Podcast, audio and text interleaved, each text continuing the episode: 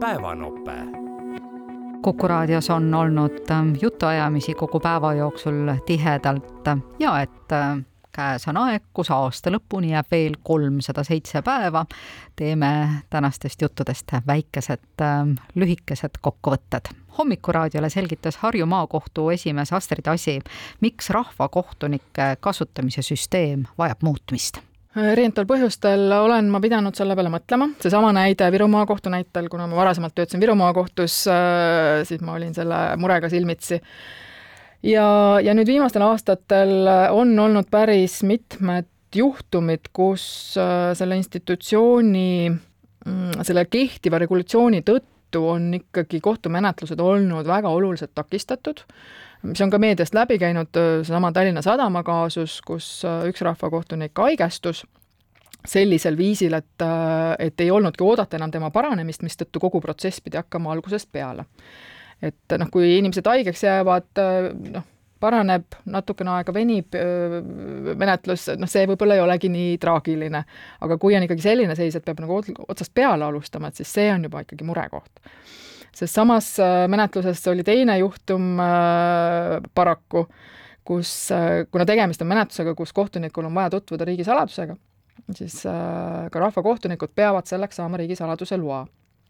Ja üks rahvakohtunikest keeldus seda luba taotlemast. ja jällegi tuli see rahvakohtunik välja vahetada, sest menetluses osalev kohtunik peab saama tutvuda kõikide materjalidega.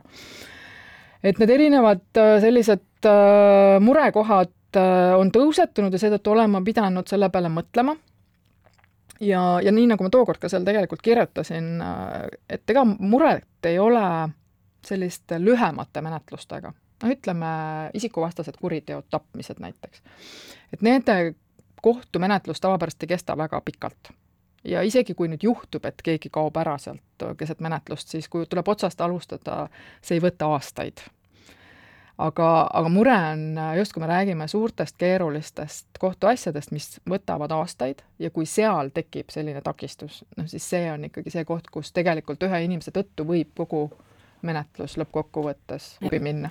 kas meil tulevad järjest spetsiifilisemad finantsvaidlused, korruptsioonivaidlused, küberkuriteod, mis nõuavad teatud eelteadmisi, et seda, seda lahendada ja, ja me kohtus me või kohtusüsteemis tervikuna me tegeleme ikkagi igapäevaselt sellega, et kohtunikke koolitada nendes samades spetsiifilistes valdkondades, finantsteadmiseid juurde, küberteadmiseid juurde, keskkonnaasjadest me räägime, et erinevad need valdkonnad, mis meile tulevad, et kohtunikud oleksid kogu aeg kursis.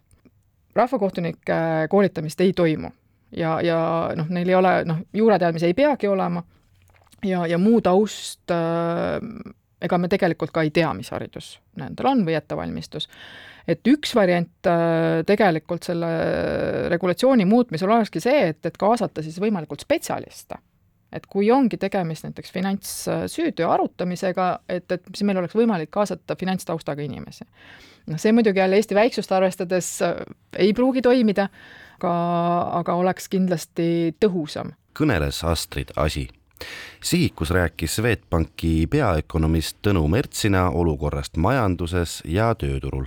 paistab ikkagi nii praegu olevat, et äh, sellel aastal peaks majanduskasv tasapisi hakkama paranema. kui kiiresti see toimub, on praegu veel raske öelda, aga tõepoolest, kui nüüd minna tagasi eelmisesse aastasse, eelmise aasta lõppu, rääkida ka selle aasta siin esimesest poolest siis ähm, sellise pika majanduslanguse mõju tööturule äh, hakkab üha rohkem tunda andma.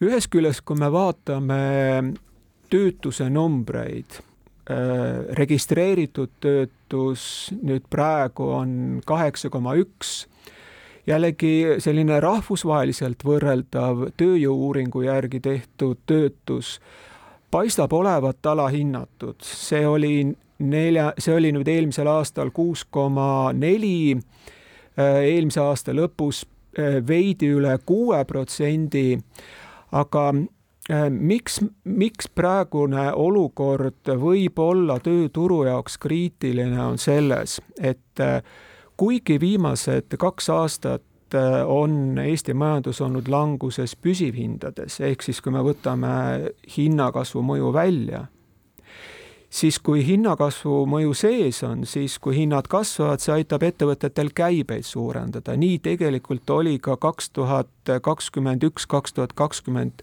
kaks, kus äh, ettevõtete müügitulu ehk siis käive kasvas erakordselt kiiresti. ja see aitas ka tööturgu hoida, kui ettevõtetel käibed kasvavad.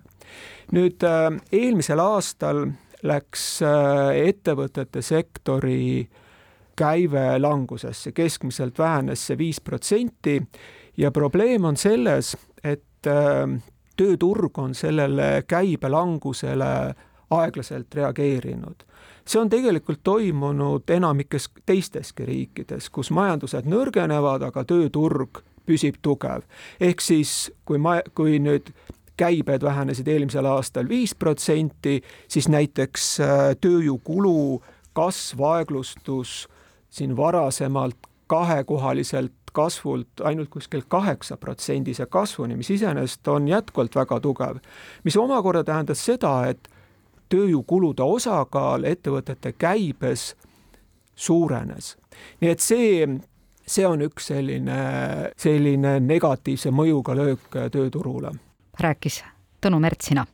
Buumis tehti muuhulgas kohviäri juttu Mart Roosmetsaga.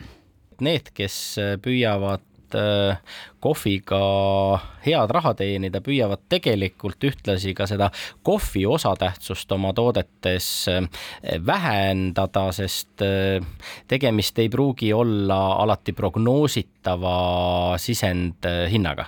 jaa, absoluutselt ja noh, üks trend on veel see nüüd, et nii-öelda kui te vaatate noh, kasvõi tanklates, kuidas, mis on tarbimisharjumus, on ju, siis noh, tihtipeale panebki kukalt kratsima, et, et noh, me kohvist enam rääkida ei saa, sest kui võetakse suur viiesaja milliliitrine piimakohv, kuhu sisse pannakse kümme tortsu äh, siirupit ja veel viis suhkrut, on ju, siis noh, kohvi maitsest me enam ei räägi, et siin nagu kohviga midagi tegu, tegemist ei ole.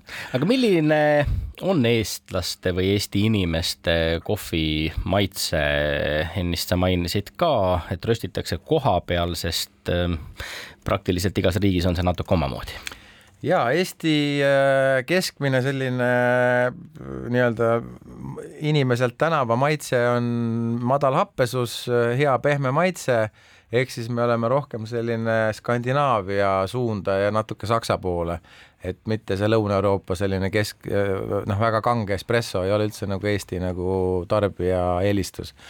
Aga suures plaanis äh, jookide lõikes tarbimiseelistus on nii, et, et kuskil kaheksakümmend protsenti juuakse täna nagu piimakohvisid, mis jaguneb siis äh, cappuccino, cafe latte ja piimakohv suures plaanis et kakskümmend protsenti on selliseid puhtaid kohvi, musta kohvi ja nagu joojaid. kas seda nii-öelda eestimaalasele sobivat, äh, sobiva maitsega kohvi on võimalik põhimõtteliselt kätte saada igast kohvioast?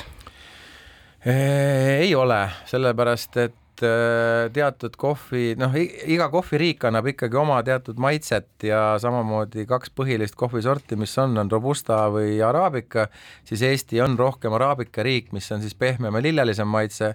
Robusta, nagu nimi ütleb, on robustne, ehk siis see tegelikult tuleb enamus sealt Vietnamist ja Aasia poole pealt ja see ei ole nagu väga meie tarbijatele nagu suupärane, et, et nii-öelda meil on ikkagi araabika põhine keskmise röstiga kohv on see, mis äh, müüb Eestis. aga need maailma suurimad tegijad, kas nemad ka kuidagi valivad kellelt nad ostavad, millistest riikidest nad ostavad, mis sorte nad ostavad või, või ostavad nad tegelikult lõppastmes ikkagi hinda? Nad ostavad, kuna kogused on nagu nii meeletud, siis äh, seal on ikkagi äh, hinnad, nad samamoodi lasevad röstida teistel röstikodadel allhankena. seal on tõesti Excel. nii et praktiliselt ikkagi on võimalik millest iganes, mis odavalt kätte saadakse, sundida oma tarnijaid röstima seda, mida, mida vaja on kohviäri juttu vestis Mart Roosmets, aga pikki saateid ja teisi jutuajamisi saab uuesti kuulata Kuku kodulehelt või äpist nimega Player. päevanope